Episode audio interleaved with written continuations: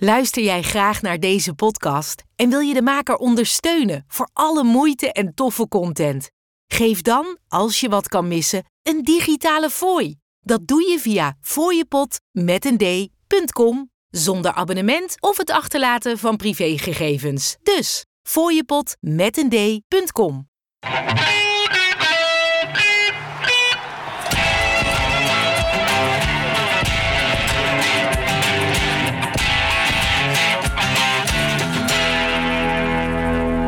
Hey, what's up?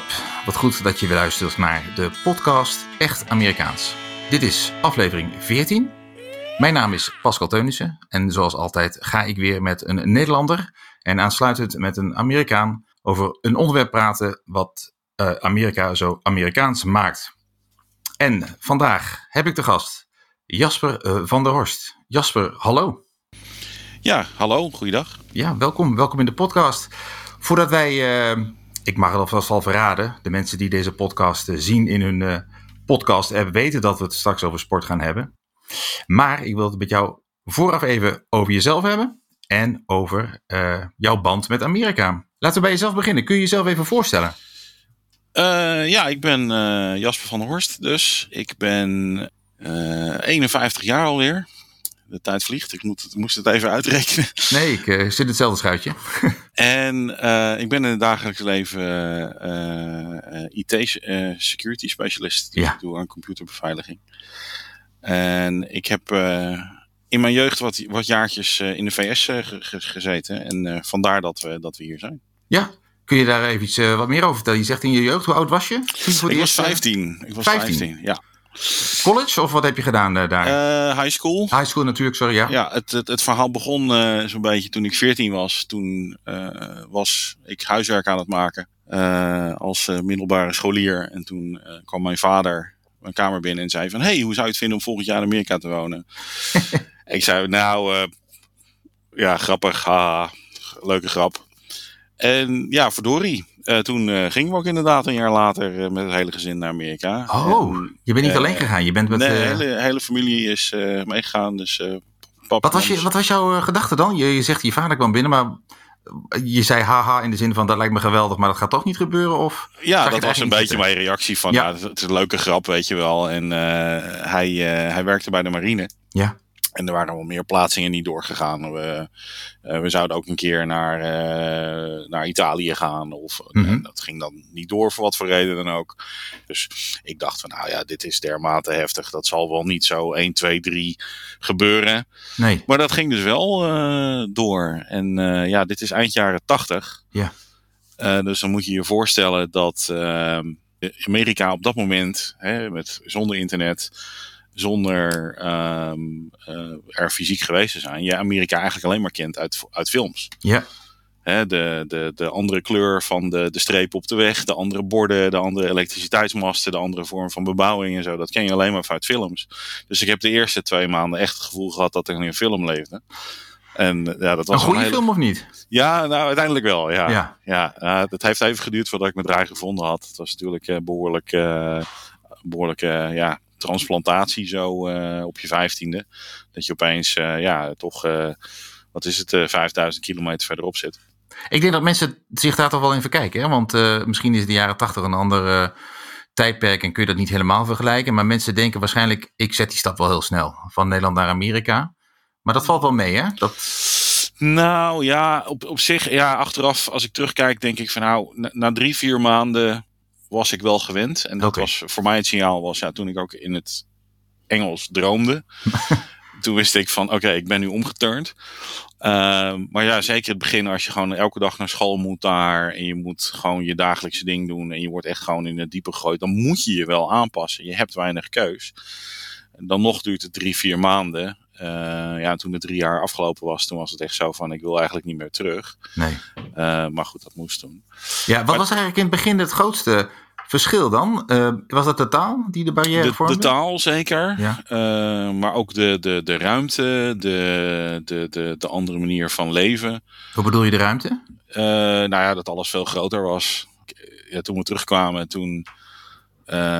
Misschien dat jij nog weet herinneren hoe, hoe laag de parkeergarage op Schiphol vroeger was. Nou, dat, ik was gewoon, uh, toen we weer terugkwamen na drie jaar Amerika, want ik ben in de tussentijd niet terug geweest, toen, uh, toen heb ik ongeveer twee uur lang een claustrofobische aanval gehad vanwege die parkeergarage. Dat het plafond zo dicht bij mijn hoofd zat, dat was ik gewoon niet meer gewend. Ja.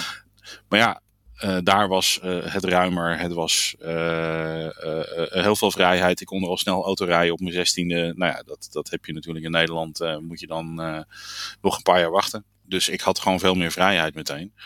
En dat heeft er wel voor gezorgd dat ik ja, echt verslingerd ben geraakt aan dat land op ja. een bepaalde manier.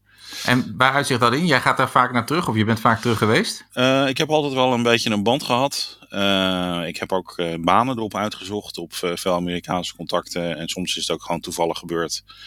Um, dat ik op de een of andere manier toch weer gevraagd werd om voor het een of het ander langs te komen. Ja, ik werkte toen voor een consultantsbedrijf bijvoorbeeld. En toen hadden die een hoofdkantoor in Amerika. En toen heb ik geregeld dat ik daar op cursus moest bijvoorbeeld. Heel goed. en ja, dat vonden ze helemaal niet erg. Want uh, nou, ik, ik sprak de taal uh, goed. En, uh, Je kent het land. Ik ken het land ja. en het was uh, nou ja, dezelfde staat ook zelfs nog waar wij woonden, want dat was in uh, Virginia. Dus uh, nou goed, dan, dan leen je een auto en dan ga je ook nog even bij je kennissen van vroeger op bezoek. En dat was ook wel heel leuk. Heerlijk. Dus ik heb een reunie van school meegemaakt. een jaar later, ik heb uh, 10-year reunion van mijn school meegemaakt. 25 jaar heb ik helaas gemist. Dat schijnt dan de grote te zijn, maar uh, daar kon ik helaas niet bij zijn. Ik had andere verplichtingen op dat moment. Maar ja, je komt toch regelmatig zo terug. Ik heb ja, een tijdje gewerkt voor een bedrijf waarin mijn directe leidinggevende zat in Ohio. Uh, daar moest ik ook twee keer in, uh, twee keer in de maand zijn. Dus uh, op een gegeven moment voel je wel een pingpongbal uh, als je die, uh, die vluchten over het Atlantic ja, ja, ja. steeds maakt. En wat, is dan, wat, wat spreekt je aan aan dat land? Even los van dat je natuurlijk daar gewoon een soort van schoolroute hebt. De mensen en de natuur mm -hmm. en, en de ruimte en zo. En dat was gewoon heel anders dan dat ik gewend was.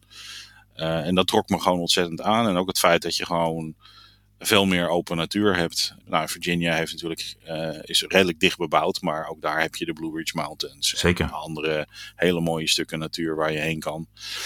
En ja, dat, dat, dat trok mij ontzettend aan. En wat is, wat is je mooiste ervaring dan, bijvoorbeeld van, uh, van Amerika? Is dat ook, oh. heeft dat te maken is, is natuur wandelen en zo, dat soort zaken, dat, dat is een, een groot ding voor jou of niet? Ja, je, ja, ja de, mooie natuurdingen zien is altijd mooi. Mm -hmm. uh, mijn vader, uh, toen hij nog leefde, was heel erg groot fan van allemaal dieren.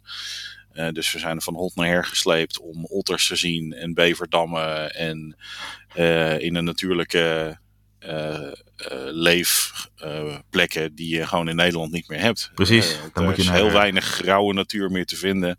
We zijn gaan kamperen. We, zijn, we hebben een trektocht gemaakt langs, langs de oostkust, langs de westkust. Nou, in latere jaren zijn we ook een keer naar de Grand Canyon geweest. Nou, dat is ook iets wat ik ja, iedereen kan aanraden. Fantastisch mooie ervaring om ja. dat te zien. Nou, dat, dat ligt, dat, je bent gewoon dichter bij, bij de natuur zoals die bedoeld is. Ja, ja, dat is inderdaad een fantastisch land om uh, voor natuurliefhebbers. Je kunt daar eindeloos uh, je hart ophalen. Jij uh, hebt daar ook een, een, sport leren kennen, waar we het straks meer over gaan hebben. Mm -hmm. Ben je sportief? Was je sportief in Amerika? Toen ik daar aankwam, nee. Nee. Absoluut niet. ik las meer boekjes en ik vond dat veel leuker. dat doe ik nog steeds, maar ehm, toen, toen we op school kwamen in Amerika, toen was de, het uitgangspunt van de school was van oké, okay, je bent hier nu op school. We willen graag dat je je in alle gebieden, uh, dus zowel de kunst, uh, de beeldende of de kunsten, de sportieve dingen en de academische dingen mm -hmm. uh, ontwikkelt. Nou, academisch is voor de meeste Nederlanders niet zo heel moeilijk om je daar om daar goed in te zijn. Want Amerikaanse scholen stellen het niet zo heel veel voor, moet ik eerlijk zeggen. Uh, en dan bedoel je gewoon vakken als aardrijkskunde, geschiedenis, dat soort ja, dingen? Ja, ja, ja. Was, ik was een gemiddelde leerling uh, op VWO Nederland. Uh, maar ja, in Amerika hoefde ik echt geen poot uit te steken om ja, ja. voldoende te halen. Um, ik sport was een ander verhaal. ja, sport, sport was een ander verhaal. Dus ik ben American voetbal gaan doen. Oh. Dat was gelijk, uh, nou, ik heb nog nooit zoveel spierpijn gehad na de eerste drie dagen daar. Uh, ja, want je gaat gewoon mee en iedereen denkt van, oké, okay, nou, ik was redelijk groot gebouwd. Oké, okay, groot en sterk. Dus uh, ja, ik ben als Nederlander ben je toch vaak een kop groter dan de ja. meeste, meeste Amerikanen. op veel uitzonderingen na. Um, en ik was een van de drie grootste jongens bij ons op school. Dus ja, American voetbal wilden ze graag bij hebben. Maar ja, ik had natuurlijk absoluut geen, geen weerstand tegen die blauwe plekken. Maar na, na, drie dagen pijn doen, dan, dan raak je lijf eraan gewend. En dan gaat de spierpijn weg. En dan kom je in een ja, sneltreinvaart, raak je eraan gewend. En is het opeens een veel leukere sport als je niet. Uh... Maar ik heb de eerste twee, drie dagen echt hulp nodig gehad bij het opstaan de volgende ochtend. Oh, mijn de training. Ja, ja, je hebt dan gewoon drie trainingen per dag. Ja. S ochtends eens, middags één en eind van de middag nog een keer. Want het is En- wel eh, groot en eh, wordt ook wel serieus aangepakt meteen, hè, dat sport daar. Ja, eh, het hoort bij de mentaliteit. Ja. Je, je sport voor je school. En eh, het hele clubverband wat we hier hebben, in- wat we- het, Europese model is, Mhm. dat kennen ze veel minder. Clubs zijn meer van, nou ja, als je niet goed genoeg bent om bij je universiteit, high school, college mee te komen, Ja. dan ga je naar een club. of mensen die niet meer op school zitten. Dus het, is, het niveau ligt daar beduidend lager. En je Ja, doet het dus ook in schoolverband. Hè? Dus Want je stroomt door via de scholen, hè? Die clubs, dat is een soort van eh, parkeerstand. Daar, dat, Dus in de zomer doe je dat misschien, weet je wel. Dan ga je in de zomer ga je met een club ga je spelen als er verder geen sporten zijn. Ja. Maar eh, ja, de, hoe de schooldag eruit ziet. Je bent tot, eh, tot drie uur ben je met, met, met school bezig. En dan loop je in je schoolkloffie naar je, de kleedkamer. Dan kleed je je om en dan loop je het veld op. Zo. En dan om vijf uur, 's middags, half zes, word je opgehaald door de schoolbus. Word je thuis afgezet. Dus gewoon vijf dagen in de week ga je sporten. Heb je nog prijzen gewonnen? Nou, ik, eh, pff, nou ja, we, we hebben de homecoming game gewonnen. Oké. Dus dat was zo belangrijk.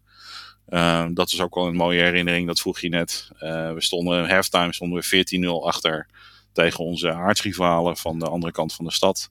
En we Kijk. met 21-14 zijn we, zijn we toch kampioen geworden. Dat is mooi, dat is een beetje zo'n El Bundy verhaal. eh. Ja, dat, eh, ja, ik heb niet gescoord, dat niet. Maar het was, eh, zo, zo goed was ik nou ook weer niet. Eh, ik heb wel eh, lekker veel op het, veld, op het veld gestaan eh, tijdens eh, twee van de drie touchdowns die gescoord zijn. En, Te gek. eh, daar was ik al heel trots op. En dat was een super mooie ervaring. En dat was ook in een stadion met heel veel alumni erbij. En ja, dat echt, Cheerleaders. eh, cheerleaders. Dus dat is echt de, de high school ervaring die je ook eh, op tv eh, en op de film ziet. eh, Te gek. Ja. Jasper, heb jij ook nog eh, een andere sport gedaan? Een sport waar je straks meer over wil vertellen? Of eh, is dat Nou, daar ik, nog ik heb in de winter nog wat atletiek gedaan. Maar in, eh, in de lente, el- elk seizoen moet je van sport wisselen. In de lente kwam, kwam het dilemma. Ga ik voetballen of ga ik wat anders doen? En toen ben je wat anders gaan doen zeker? Toen ben ik wat anders gaan doen, ja. Ja, Ondanks De, de grote poging van de, de soccercoach om het toch erbij te krijgen. We hadden al een, Europeaan. Ja, het is Europeaan, dus hij kan voetballen, was een beetje een aanname. Ze hadden al een Spanjaard en die speelde de sterren van de hemel. en ik dacht van ja, ik ben hier in een buitenland. Dit is een eh, once in a lifetime, letterlijk opportunity om, om eh, nu hier te zijn. Ga ik dan voetballen of ga ik kijken wat er lokaal allemaal eh, te halen valt? Heel goed, daar gaan we het zo even over hebben. Eh, meer kan ik de spanning niet opbouwen, Jasper. We komen, we komen zo terug. Oké.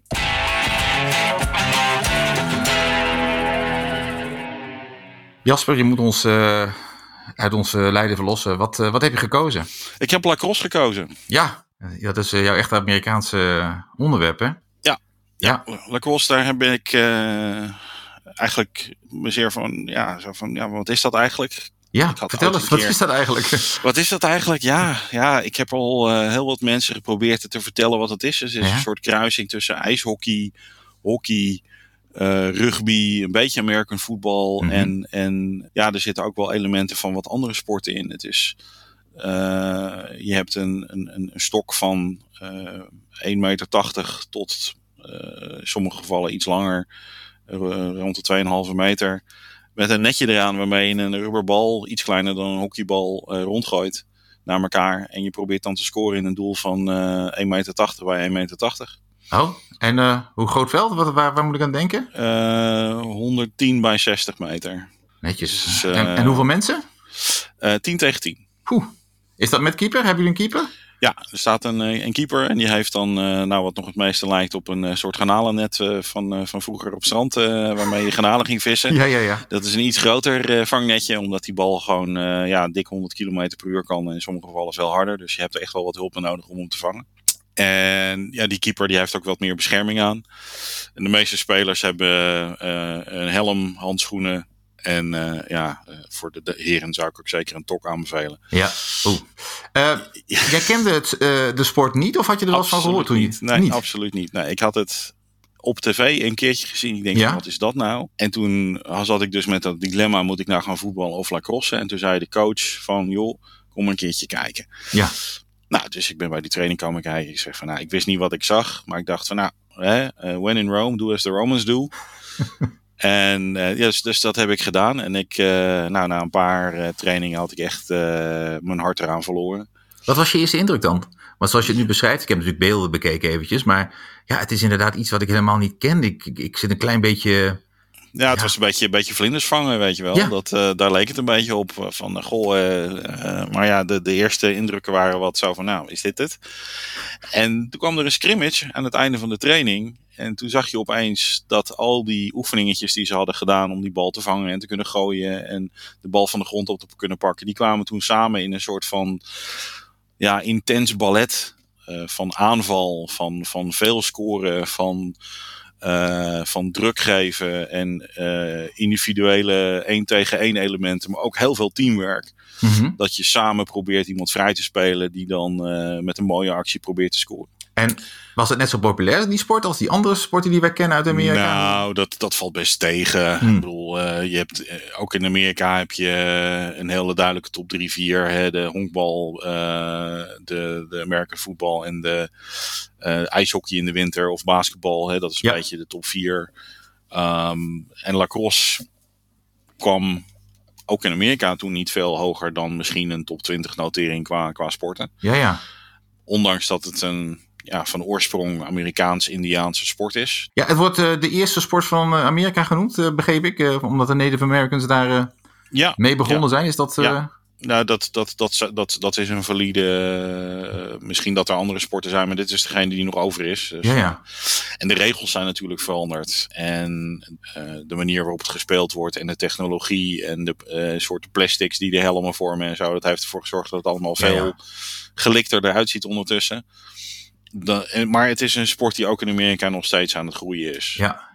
En jij uh, speelde dat dan? En ja. nam je je enthousiasme vervolgens mee terug naar Nederland? Of uh, hoe, hoe ging dat? Je vertelde uh, toen je in Amerika zat naar je Nederlandse vrienden: ik speelde lacrosse en iedereen Ja, wat. en iedereen zo: wat? Ja, ja. Nooit van gehoord. Wat is dat? nou, er was toen nog geen YouTube, dus je kon ook niet even een filmpje oh, nee, dus je moest wat foto's moest je ermee doen. Nou, statische beelden doen het echt geen recht. Uh, gewoon, ja, leuke helm, zeggen ze dan. En dat was dan zo'n beetje. Dus dat, dat viel een beetje tegen. En ik kwam dus in een, in een woestijn van, van uh, Europa terecht waar geen lacrosse was. Nee.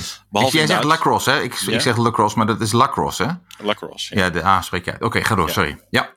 Dus in Europa was, uh, was het niks. Ja, was er, was er helemaal niks. Um, en het, het, is, het is trouwens, je hebt het nu over de uitspraak, het is trouwens een Frans woord van oorsprong. Ah. Uh, de, de, Indianen noemen dit anders, maar de, de, een Franse priester die zag uh, Indianen het spelen. En omdat de toenmalige Styx deden hem denken aan de krul van een bisschopstaf. En dat ah. is lacrosse.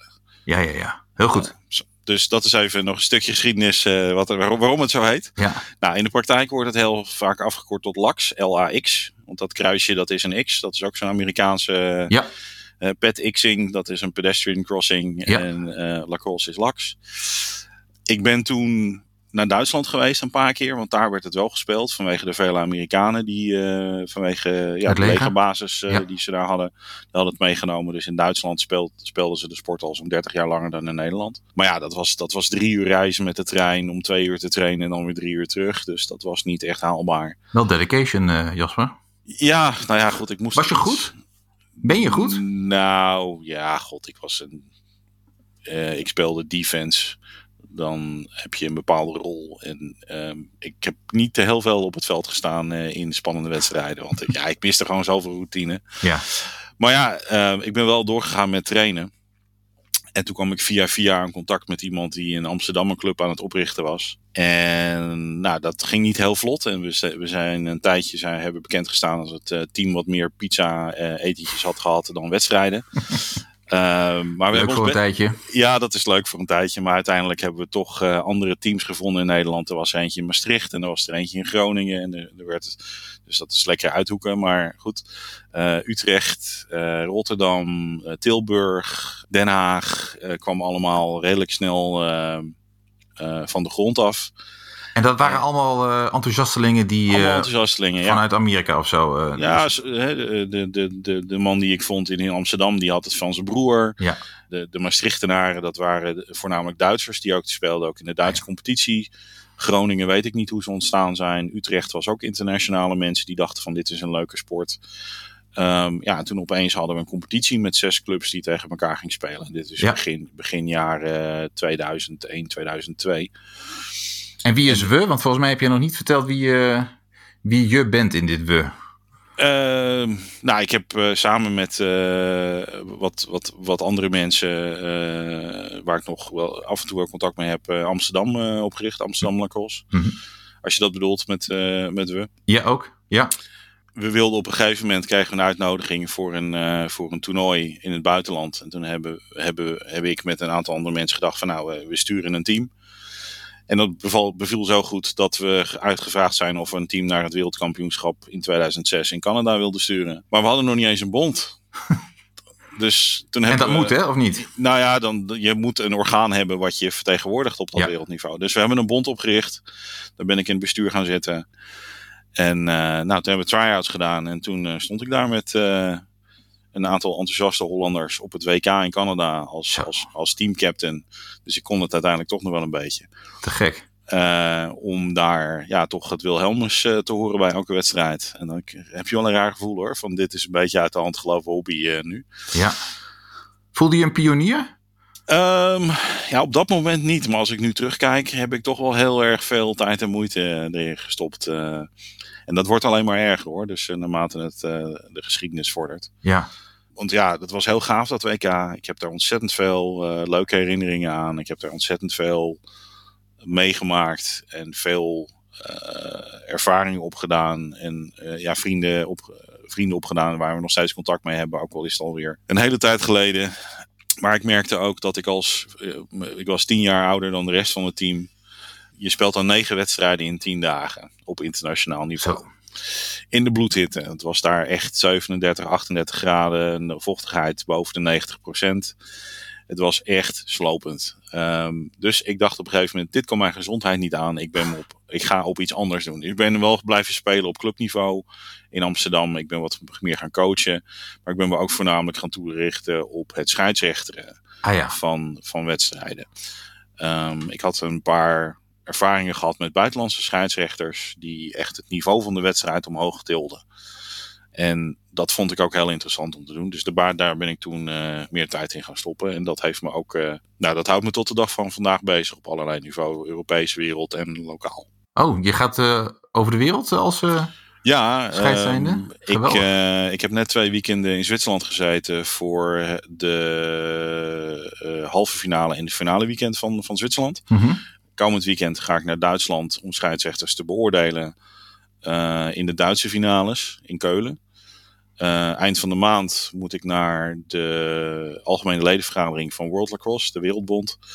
Uh, dat die, die, worden gehouden tijdens het WK Dames, wat daar plaatsvond, plaatsvindt in Towson, Maryland. Oké, okay. wauw.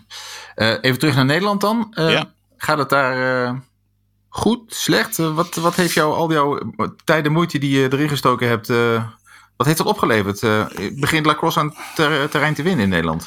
Nou, ja, ja en, en nee. Oh. Corona, heeft, heeft, ja, corona heeft echt wel een, een deuk geslagen. Hmm. Er zijn heel veel leden kwijtgeraakt. we hebben heel veel last gehad van, van clubs die het gewoon niet meer trokken. De animo wat eruit liep.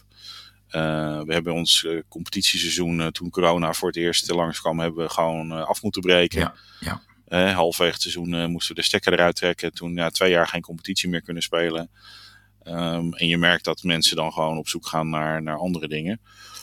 Ja, ondertussen hebben we wel uh, duizend spelers door heel Nederland in oh. 15, 16 verenigingen. Die soms wat beter, soms wat minder goed lopen. Um, maar het leuke is dat we sinds vorig jaar ook Olympische aspiraties hebben. Kijk, dat horen we graag. Ja, uh, lacrosse is al olympisch geweest, maar ja, dat zijn uh, allemaal jaartallen die uh, met een 1, een 9 en een 0 beginnen. Dus dat is echt heel erg lang geleden. Zelfs nog voor onze tijd. Ja, dat is ja. zelfs, zelfs voor ja. onze tijd nog inderdaad. In 1928 in Nederland, in het Olympisch Stadion, was het een demonstratiesport waar een aantal teams gespeeld hebben. Dus als je ook naar het Olympisch Stadion in Amsterdam gaat, dan staat er ook een lacrosse-speler op de muur getekend. Oh. in een van de, de stand, of een van de beelden die daar aangebracht zijn van de, de, die de sporten vertegenwoordigt. Alleen ja, toen is het ja, niet meer voorgekomen tot recentelijk. De sport heeft zichzelf ten doel gesteld om Olympisch te worden. Nou, met heel veel medewerking van allerlei mensen wereldwijd is dat gelukt. Je moet door een heleboel hoepels springen voordat je überhaupt mag aankloppen bij het IOC. Eh, daar is een heel proces voor en uh, je moet aan heel veel regeltjes voldoen. En uh, nou, dat is uiteindelijk gelukt. Dus zoals het er nu uitziet, gaan, gaan we in Los Angeles in 2028. Hey, naar het geboorteland. En wij als eh, Nederland gaan meedoen. Nou ja, als we hoog genoeg eindigen. Ja, en gaan we dat doen? Dat wil ik natuurlijk weten. Zijn we goed genoeg? Nou, we hebben best wel een goede, goede, goede papieren, denk ik. Um, we hebben het Europese kampioenschap gehad afgelopen april in, in Polen. Daar is Nederland poolwinnaar geworden en dus heeft zich gekwalificeerd voor het wereldkampioenschap volgend jaar in San Diego. En die, de ranking die daar uh, gehaald wordt, bepaalt in grote mate of we naar uh, Los Angeles mogen in 28 of niet. En om het nog spannender te maken, eind van deze maand hebben de dames dus al een eerste uitdaging, want die spelen hun eigen WK. Dus als de dames moeten zich ook kwalificeren voor, voor San Diego. Het zijn twee aparte kwalificatieprocessen. Nou, daar staat een echt een, een super eh, goed team met uh, heel veel jeugdig talent, maar ook de, de veteranen die het al een tijdje eh, meegemaakt hebben. Dus ik denk dat we een hele goede mix hebben en dat we best wel hoog kunnen eindigen in, uh, in Towson. Dat klinkt te gek. Ik ga ervan uit dat jullie misschien nog wel meer mensen een aanwas kunnen gebruiken. Daar gaan we het even naar de volgende break over hebben, Jasper.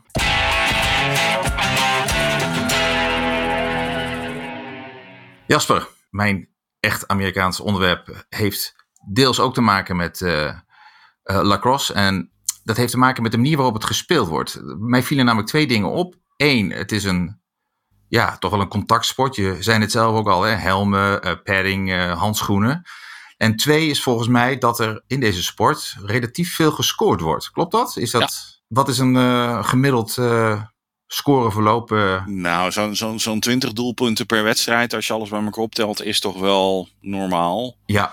Um, dus dat is best veel. Nou ja, hard. Dat, dat, het gaat best snel, maar je, je hebt ook maar een paar seconden nodig om te scoren als het ja. meezet. En dat is volgens mij echt Amerikaans. Ik heb daar uh, in Amerika zelf uh, uh, wel eens met vrienden natuurlijk gehad over, over sport en zo. En wat zij heel gek vinden is dat voetballen zo lang duurt en dat er maar zo weinig gescoord wordt. Ja. En dat er zelfs gelijk spelen mogelijk zijn. Ik weet niet of dat bij lacrosse wel of niet kan. Maar... Nee, dat kan niet. Nee. nee. Nou ja, dat vond ik ook typisch Amerikaans. De, de, de speed, uh, intensiteit uh, en, en het hoge aantal uh, punten. Denk je dat dat meespeelt waarom het populair is, meer populair aan het worden is? Ja, ja, dat, dat denk ik zeker. Um, kijk, als, als je andere hoogscorende sporten, zoals ik basketbal, uh, ja, dan moet, je, dan moet je sowieso beginnen bij de twee meter, anders stel je niet mee. Mm -hmm. Bij lacrosse is ruimte voor, voor alle lichaamsbouwen. Um, als je je over het veld kan bewegen met enige snelheid, dan, dan uh, is er wel een plek voor je. Ik, ik zal nog even een anekdote vertellen. Je, je, je had het net over voetbal. Um, soms zitten de toeschouwers te kijken naar een lacrosse-wedstrijd. En dan, dan staat, dan staat een, hun, hun team, het team waarvoor ze komen kijken, van, uh, waar, hun, waar hun kinderen of hun collega's spelen. Dan staat er met drie doelpunten achter. En dan haken ze een beetje af. Weet je, oh, staat, we staan 3-0 achter. Dus dat, uh, in voetbal is daar bijna niet meer van terug te komen. Nee. In lacrosse ko kost dat misschien 40, 50 seconden als het meezet. Hè, binnen een minuut kan je drie keer gescoord hebben. Uh, als, als de wedstrijd op een goede manier geleid, geleid wordt. Of twee minuten, twee minuten is realistischer. Maar ik heb, ik heb het snel, snel gezien dat uh, twee goals in 15 seconden gescoord worden. Ja. Dus daar houden Amerikanen van, hè? Daar houden Amerikanen van. Er is altijd een kans. Uh, het begint al met, met de face-off. Dat, dat twee mensen als een soort van gladiatoren in het midden van het strijdperk tegenover elkaar zijn. One-on-one. Oh, wat uh, gebeurt daar? Dat klinkt goed, ja. ja. legt de bal ergens in het midden, uh, tussen de sticks in. En dan moeten ze op het fluitje van de scheidsrechters moeten ze dus gaan vechten om de bal. En dat is echt gewoon ja, één tegen één, uh, keihard knokken, heel erg je, je best doen om als overwinnaar eruit te komen. En als je die dan hebt, nou, dan kan je als een idioot naar het doel van de tegenstander rennen om proberen daar te scoren. Ja. Of hem wat tactischer uh, keuze te maken en de bal af te spelen naar een van je medespelers. Aha. Jij zei trouwens net uh, helemaal in het begin dat je uh, bij moest komen van American Football.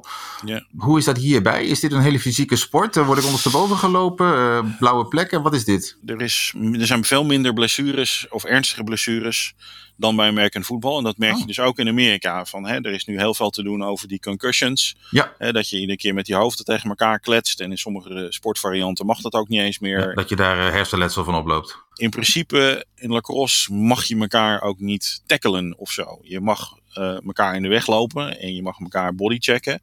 Maar alleen van voren uh, tussen de heupen en de schouders. En die helm is er ook niet om de klap op te vangen. Want je oh. mag elkaar niet raken met de, met de helmen. Uh, die helm is er alleen om voor te zorgen dat al, mocht er iets uitschieten, of een stick of een bal, dat je dan niet gelijk met een bloedende hoofd rondloopt. Wow. Dus dat fysieke contact is er wel. Hè, er zijn genoeg uh, YouTube-beelden van, van spectacular hits en uh, van uh, amazing takeouts en, en dat soort dingen. Maar het is niet zo over top gewelddadig als met American Football, waar zes, zeven, acht mensen over één ja, running back heen wandelen om in poging om te stoppen. Ja. Het is meestal één op één. En ja, er worden harde klappen uitgedeeld, maar die zijn wat, over het algemeen wat gecontroleerder. Want zo'n American voetbalspeler in, in al zijn ornate outfit, ja. ja, die, die heeft zoveel bescherming dat hij zelf minder voelt ervan. Als lacrosse-speler heb je wel bescherming aan, maar die is meer om te voorkomen dat als je een, een bal tegen je lijf krijgt, dat je dan gelijk enorme blauwe plekken krijgt. En die krijg je sowieso. En de tegenstanders zijn ook niet die uh, mensen van uh, 230 pounds uh, die op je afkomen. Nee, daar, daar, loop je met alle gemak omheen, die mensen. Dus dat, ja. dat heeft niet zoveel zin. hoe, ja, vertaalde die, hoe, hoe, vertaalde die sport zich dan naar Nederland toe? He, zijn er elementen waarvan je zegt van hebben misschien wat aangepast of zo? Of waren er dingen waarvan je dacht van, oh, hier moeten we de Nederlanders van overtuigen dat dit toch echt leuk is? Nou, dat, dat fysieke aspect, dat sommige mensen die, die, die zitten, zijn als een vis in het water als ze dat mm -hmm. meemaken. Anderen vinden dat veel minder. We merken dat veel hockeyers zeggen van, hey, dit is hockey in drie dimensies. Ja. Ik kan eindelijk rechtop lopen. Ik heb zelf ook gehockeyd voordat ik naar Amerika ging, dus ik, uh, ik, ik ken het gevoel zeker het is alleen ja, in drie dimensies. Je, je, je kan ook niet, je, je speelt niet alleen van links naar rechts, maar ook van boven naar beneden. Ja. Schoten op doel hebben gewoon een extra dimensie. En nog een extra dimensie, als je er nog eentje bij wil hebben, je kan ook achter het doel langs, net zoals met ijshockey. Oh ja. En dat is ook een, een ja, een, een spelelement wat het dus anders maakt. Je hebt echt vanaf daar heb je overzicht. Dus de beste spelers die beginnen ook meestal van achter het doel. Dan heb je overzicht over de hele situatie. Hij kan je niet misschien heel snel vanuit scoren vanuit die plek, maar je kan dan wel het spel een beetje opzetten. En dan heb je weer een parallel met American voetbal. Dan heb je die quarterback, die Ja. zet het spelletje neer, die zegt van wat we gaan doen. Daar beginnen we mee op een vast moment. Dus daar, dat, dat element komt daar ook weer in terug. Ja. Je Ehm, zei trouwens hockey, hè, eventjes. Eh, dat was ook een beetje mijn associatie die ik heb. Eh, je zult vast en zeker ook wel tegen vooroordelen aangelopen zijn dat hockey een beetje elitair is. Dat idee kreeg ik ook wel een beetje bij mijn eerste kennismaking met uh, lacrosse. Misschien is het gewoon vanwege de naam. of- Maar is het een bepaalde groep die dat speelt? Ja, ja. eh, het is inderdaad een beetje elitair. Ehm, Is dat in de, in de prijs van de, van de spullen die je moet hebben? Is dat ja, het is een full Ja. outfit. Zet je het zo, zo op een paar honderd euro of dollar. Ehm, maar net zoals met hockeysticks, ja, die kan je voor twee tientjes kopen, maar ook voor, voor 2000 euro Ja, ja. en alles ertussen. Dus met lacrosse spullen net zo hetzelfde. Maar het is, hè, als je kijkt naar bijvoorbeeld Engeland, daar is het een universiteitssport, eh, waar alleen op de, de dure universiteiten gespeeld wordt. Mhm. Ook in Amerika is het een tijdje een, een, een sport geweest die buiten de, de, de, de, de Ivy League niet zo heel veel, niet zo heel bekend was. Maar dat zie je nu langzamerhand toch ook wel veranderen. Het publiek wordt steeds diverser. Eh, er wordt steeds meer high schools wordt het ook gespeeld. Ook in gebieden die misschien wat minder elitair zijn. Eh, het is toegankelijker. En juist omdat ook de Amerikaanse lacrosse organisatie die probeert echt de sport populairder te maken. Want ja, die, Ja, ja. Zien, hè, die ze hebben straks, we hebben straks een Olympische Spelen. En dan zitten, we, zitten we lege stadions. Ja, dat, dat, eh, Nee, dat wil niemand. dat wil niemand Nee. inderdaad. Dus die hebben zich echt wel tot doel gesteld om meer, meer mensen erbij te krijgen. Ja. Eh, stel ik wil beginnen, waar begin ik? Ik neem contact op met een lokale club. Mhm. Eh, op de site www.nederlandlacrosse.nl eh Nederland Lacrosse aan elkaar kan je een lijst vinden van alle clubs die op dit moment bestaan. Er zijn ook een aantal organisaties die over het hele land trainingen verzorgen. Zorg ervoor dat je met enige begeleiding, want het is niet iets wat je even in je eentje doet, zonder dat je gelijk heel veel frustratie over je heen krijgt. Man, Vooral is eerste stappen. Nou, het, het vangen en het gooien Ja. omdat het in drie dimensies is, is dat even een stukje moeilijker dan een, een balletje schoppen of een balletje slaan met een Ja, ja. of met een voetbal. ja, dat netje is vreemd hoor. Dat netje is echt, dat, daar moet ik echt eh, doorheen proberen te kijken. Want dat is eh, een apart onderdeel van, eh, van een sport. Dat we eigenlijk, dat is misschien wel het meest bevreemdende er nog van die sport. Ja, nee, goed dat je het zegt. Eh, Voor mij is het doodnormaal. En Ja. eh, er, gaat, er gaat ook heel veel tijd in, in, eh, in steken hier in huis. Van het stringen van sticks.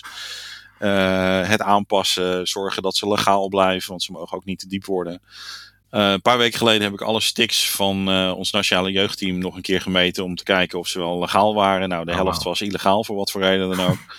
ja, dan moet je gewoon constant eh, zorg aan besteden. En zorgen dat eh, de, de stringing en al die, die touwtjes recht blijven zitten. En goed blijven zitten. Ja, Dus dat is best wel wat aandacht. Nou, in- er zijn beginnersticks waar je daar geen buil aan kan vallen. Die kosten een paar tientjes.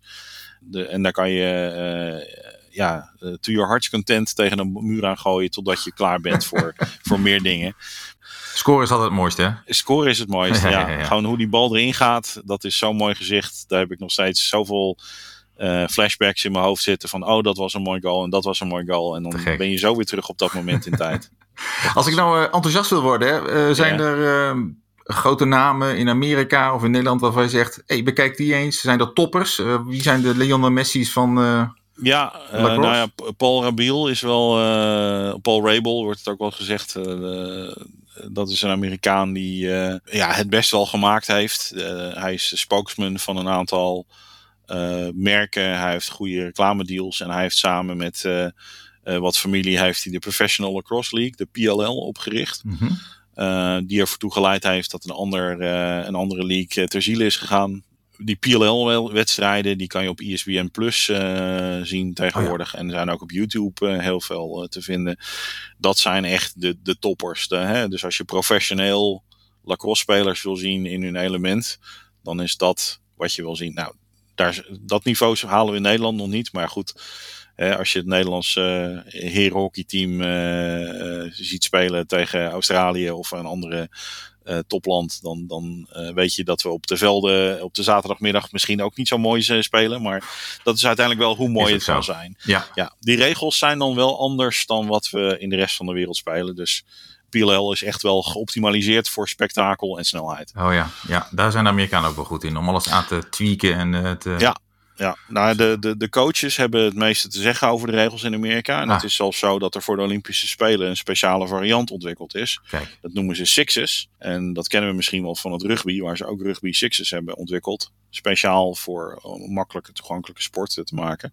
Dat is no contact, of minder contact dan veldlacrosse, wat we dan eh, noemen. De teams zijn kleiner, zodat je ook meer afgevaardigden naar de Olympische Spelen kan, kan sturen. Want dan bij een normale crossteam staan er 23 mensen eh, in pak klaar. En ja, je moet ze allemaal de kost geven. Eh, en het zijn er maar 15 bij een, eh een Sixers team. ja, ja. En dat is een nog snellere variant van lacrosse. Waarbij je echt ja, de long uit je lijf moet lopen om het bij te houden. Nou, ik moet zeggen, ik heb eh, dus een paar beelden gezien. Het ziet er inderdaad eh, heel spectaculair uit. Eh, laten we hopen dat wij inderdaad op de Olympische Spelen acte de présence gaan geven, Jasper. Ehm, dat lijkt me echt te gek. Ik vind het leuk om met jou hierover gesproken te hebben. Ehm, zijn er nog andere sites waarvan je zegt van ga daar kijken voor informatie? De, PLL heb ik genoemd, nederlandlacrosse.nl heb ik genoemd. En YouTube is zeker een, een goede bron van allerlei mooie beelden. Eh, er wordt heel veel uitgezonden en eh, je kan ja, zonder al te veel moeite echt de meest fantastische wedstrijden kan je, kan je zien eh, via die media. En Ja. alle informatie staat ook op die sites. Perfect. Dat gaan we doen, dat gaan we volgen. Jasper, enorm bedankt dat je te gast wilde zijn in de podcast. En over deze sport, deze van oorsprong Amerikaanse sport. Maar wie weet gaan wij het als Nederland gewoon wereldwijd overnemen, toch? Ja, nee, Gaan we gewoon doen. klinkt als een plan. Gaan we Ja. doen. Ehm, eh, Jasper, eh, dankjewel. Graag gedaan.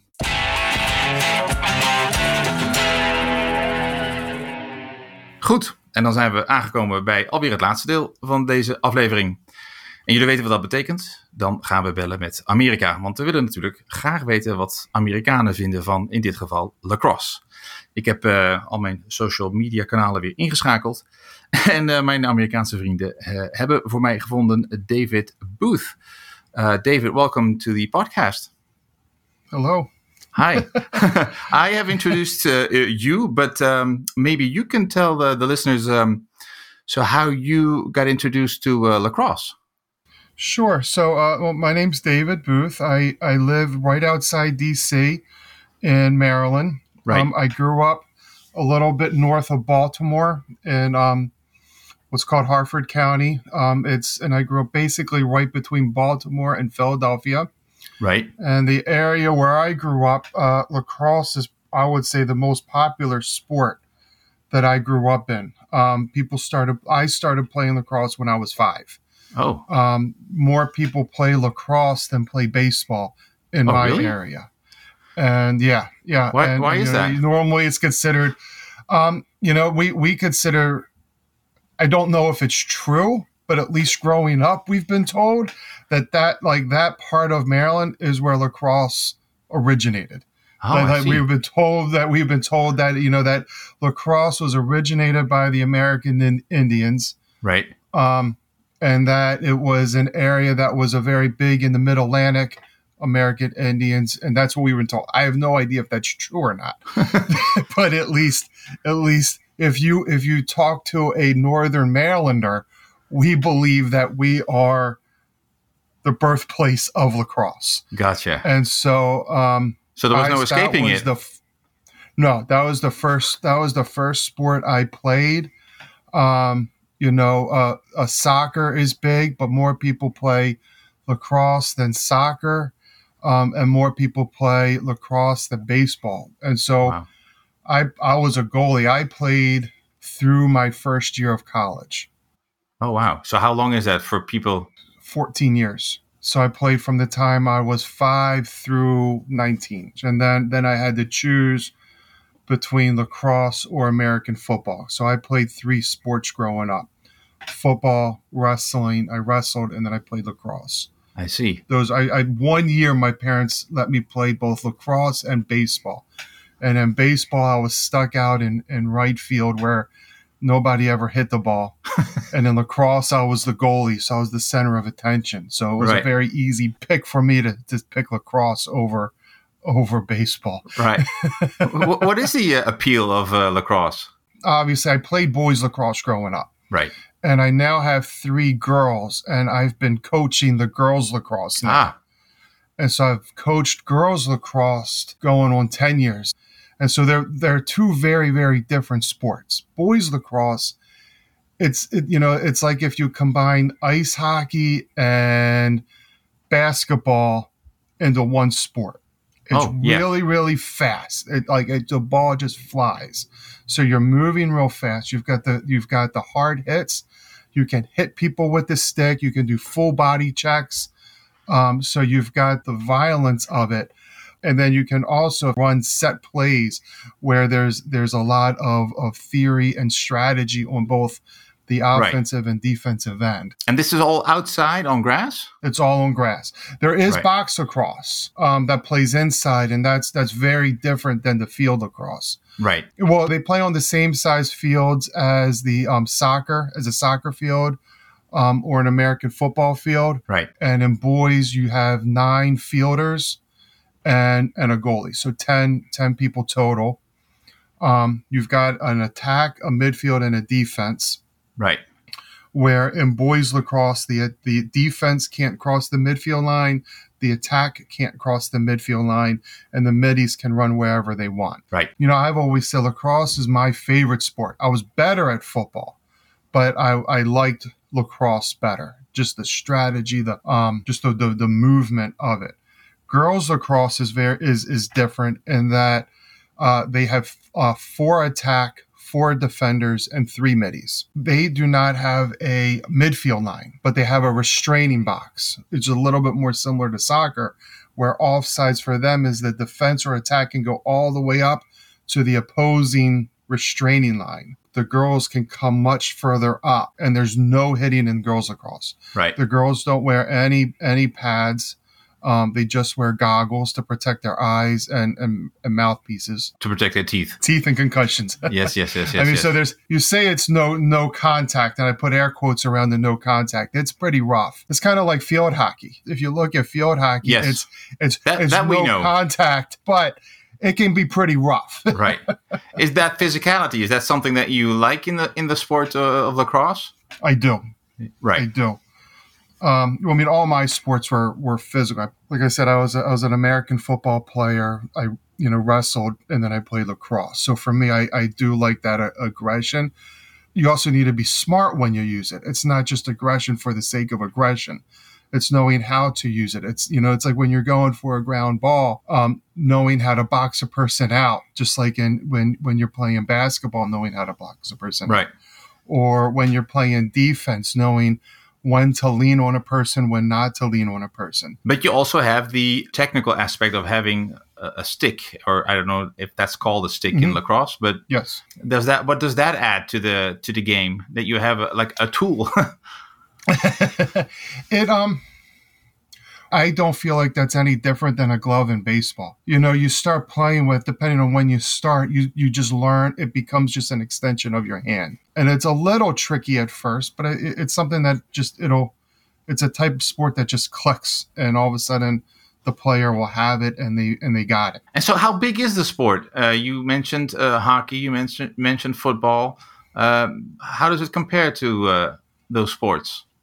It's a little bit more of a niche sport. Uh, it's becoming bigger. Um, in my area, it's always been huge. But then you talk to people in the Midwest, in the South, it's still relatively new to them. Um, it's definitely considered a privileged sport, I would say. You know, it was kind of considered all along, you know, a white upper class type of sport, unfortunately. Um, because you do have to have equipment, you know, particularly boys, you need a helmet, you need shoulder pads, Oh. you need arm pads And that's expensive. you need equipment to play where baseball all you need is a bat glove and a ball Yep. so in some of the the lower economic areas of the country unfortunately it's it's getting to them but it's Gotcha. economically more difficult in Right. some of those areas Right. What would you say to people who- don't know the game or just have seen it maybe once or twice? What would you tell them uh, to get them to start playing? watch it you know if you watch it a little bit I, I don't know how what the tv is but i mean it's it is big on you know ncaa tournament is is, is shown every year i don't know how available that is Not. It's not available here, but that's what i figured um there is a pro level so there is a higher level right. but the most watched level is college. If you have an ability to watch it, watch it. If you can't see it, if it's not broadcasted, then there's definitely videos of it. There's definitely stuff online. And then if you have an opportunity to play, just get out and just start throwing the ball around a little bit. You know, Right. I mean, that's that's the only way you can, you know, I mean, for us, we, we call it wall ball, where you get out and you just throw the ball against a brick wall and then it bounces, then you catch it in your stick and you just are basically playing catch with yourself. That is what we want every kid out there doing is just play wall ball. It starts getting that hand-eye coordination. Right. You know, getting used to following the ball with your eye, catching it, throwing it. And then the more you get used to that, then you get used to running with it. And then it just becomes fun. You know, but it's hard. It's hard if there's not anywhere around. You know, probably, you know, if there's no league to play with, then it's hard just to get out there and play by yourself because who's going to teach you how to throw it? yeah, that's why uh, they started it up in uh, here in the Netherlands too. How, wh- wh- what's your opinion on that? You like that? That uh, a, I love it. sport? Yeah. Oh, I think I think you guys will love it. I mean, I think it's a great. I love the sport. When you love a sport, you believe everybody's going to love the sport. And everybody should play it, right? it's a thinking sport. It's a it's an incredibly fast moving sport. and it's and it's scoring. You know, I'm I'm not a huge soccer fan, which I, I know is blasphemy for the rest of the world. Yeah, I- think Uh, half of uh, people are now sh- uh, turning uh, the, the program off. But sure, go ahead. I don't dislike soccer. I like I, I, I watch it, but but it's a lot of movement of the ball, and it's a relatively low scoring. yes, game. definitely. And so one of the fun things about lacrosse is that you, it is high scoring. You're going to be seeing 14-10, 15-16, you know, like scores. I mean, you can have a score where you'll have a face off where they determine the who gets possession. Well, then if you get a good face off guy that gets the ball and just sprints straight to the goal, you you can have multiple goals within seconds of each other. But then you could have a goalie make just these ridiculous saves. Like the guys and girls are throwing the ball at 100 plus miles an hour. So I played goalie my entire life. And as a boy goalie, the goal is a six by six goal. Just under two meters. And we, yes. And we want to be able to um, cover as much space as possible. So even though they're throwing this incredibly hard ball, the equipment that a goalie wears is just a helmet, a chest protector, gloves, your stick, obviously, and Right. a cup to protect your private. And that's it. Also important. Um, yeah. And so you're taking balls off your legs, you're taking them off your shins, you're taking them off your unprotected arms. You know, I grew when growing up, I, I broke two cups playing goalie because the balls were coming in so hard. So you've got this incredibly fast pace. You see goalies make these saves, and then the goalies throw it, you know, down to the attack, who then start up another. So it's just a very fa- it's just a constant, fast moving sport, and that's what I think is fun about it. And maybe that's a tricky question, but do you think that's what makes it American? Because you, you score a lot, it's physical, it's high pace. Are those the ingredients that American spectators like? I would think everybody would like it. Um, I, I don't know if that would be uniquely American. Right. Um, you know, I mean, I think the fast pace aspect of it, I, I, I like that part about it. What we were told is that when the Indi- American Indians first created lacrosse, it was meant to be as a negotiating slash war alternative. And All that right. they would play tribes against each other Instead of fighting. and, and they would play for weeks at a time. And the violence sometimes did result in death of other people, but they would just play for days upon time. Right. Luckily, uh, uh, that's not the case anymore, not uh, to that extent. um, Yes. So, but you would like to uh, see uh, the United States, uh, you know, take on uh, other countries. They, do play. Do you follow them? Do you follow? Do you, I guess you have a national team, right? Yeah, I remember when I was in high school, which which was you know thirty years ago now. there was a lacrosse World Cup that Right. would play every four, uh, every few years, and the main countries that played it were the U.S. and Canada, were some of the best. Were, were two of the better teams every year. Canada, the Canada puts out some really good players every year.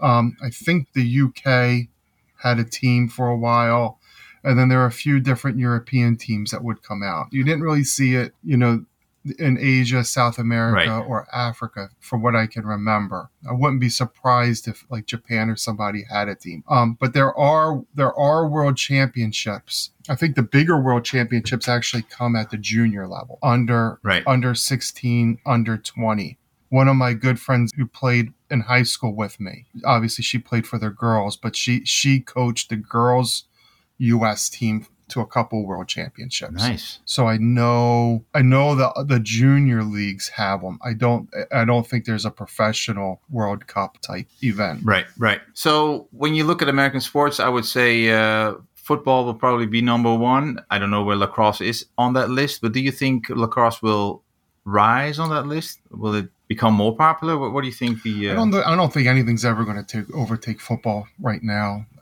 no. I mean, I think I think probably football and and well, soccer is actually rising quite a bit in the U.S. That's Okay. becoming much much more popular. Um, baseball is always popular. Ice hockey is always kind of like in my for me it's number three and basketball. Those are kind of like the four big sports. right. lacrosse, like I said, it's it's it's very much of a niche sport. I don't know if it'll ever be able to get enough of a following for a professional league to be formed that is larger than I mean, Right. right, now I think the profession like there's like maybe six or eight teams in the professional league, you know, and then even that it comes and goes. It's not a, a steady a steady thing because every now and then you hear about it, you're like, oh, I forgot. Half the time I hear about a lacrosse a pro team, and I, I'm like, oh yeah, I forgot that there was one. Whereas Right. the college, if you like lacrosse, you follow college, and so I don't know if it'll ever. I would like to see it get bigger, but I doubt it will, just because there's only so much expendable income you can pay for sports and for going to games and doing different things, and there's only so much time. You know, lacrosse is a spring Right. sport, so it's the same time as baseball, but then it's busy you know so like just trying to find the time to go to a game rather than doing this other thing you want to do i don't see it ever Right. you know i rarely go to prof- any professional game anyway you know the broad- broadcast of them are so good now i just mo- i watch most sports on my tv yes, that's the easiest way. Okay, tell us uh, who to follow then uh, to, to close this. Um, uh, who should we follow? You say there are no really pro teams, maybe, but maybe what's your favorite college uh, that we should follow to get a feel for the well I, sports? I my my favorites my favorite college team is university of maryland which is Right. my local team but they also are one of the best they won the, they won the national championship this year the boys won this year the girls came in i think third this year girls have one of the most winningest programs ever I think they've got like 13 or 14 national championships, and, and they've had a bunch in the past 10 years. Syracuse is a good team, depending on the year. University of Virginia has been very good. This last year, North Carolina had a really good team. And actually, Utah. Utah is a fun team to follow as well. They pull from the um, American Indians a lot. And so they had a few years ago, they had a, I I don't remember his name, but he was he was a Native American who played, and he was just ridiculously good. I mean, he was just awesome to watch. You know, it didn't matter what didn't really Nice. matter what team you played, who you rooted for. When you like, you know, if you like good sports, you like good sports, and watching him play was just awesome. That's right. If if his name comes to mind, let me know. I'll I'll put it in the uh, I'll put it in the show notes so we can uh, maybe uh, check him out. Uh, David, thank you so much. Yeah, Thanks thank so much you. for being on the program uh, on the show and uh, tell us a little bit about uh, lacrosse, the sport that you uh, like so much. And wh- who knows? Maybe we'll uh, we'll have a uh, United States versus the Netherlands uh, game soon, and then uh, I'll That'd contact you and see what you uh, thought of our level of playing. I'm sure uh, you guys are great. Thanks so much, uh, David. I'll uh, say goodbye to my listeners now. That'll be in All right. Dutch. Bye, everybody. Thanks for everything. Alright. Uh, iedereen bedankt voor het luisteren. Ik moet natuurlijk ook nog even Marco Raaphorst bedanken voor de geluidsbewerking. En Jeroen Venema die het lied schreef voor deze podcast. Volgende keer zijn we weer bij je met een verhaal over muziek. Dus keep listening. Dag.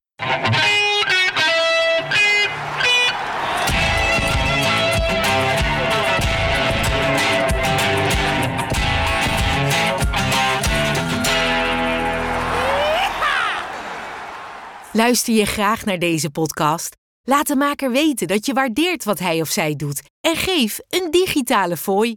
Dat kan zonder abonnement, snel en simpel via fooiepot.com. Fooiepot met een d.com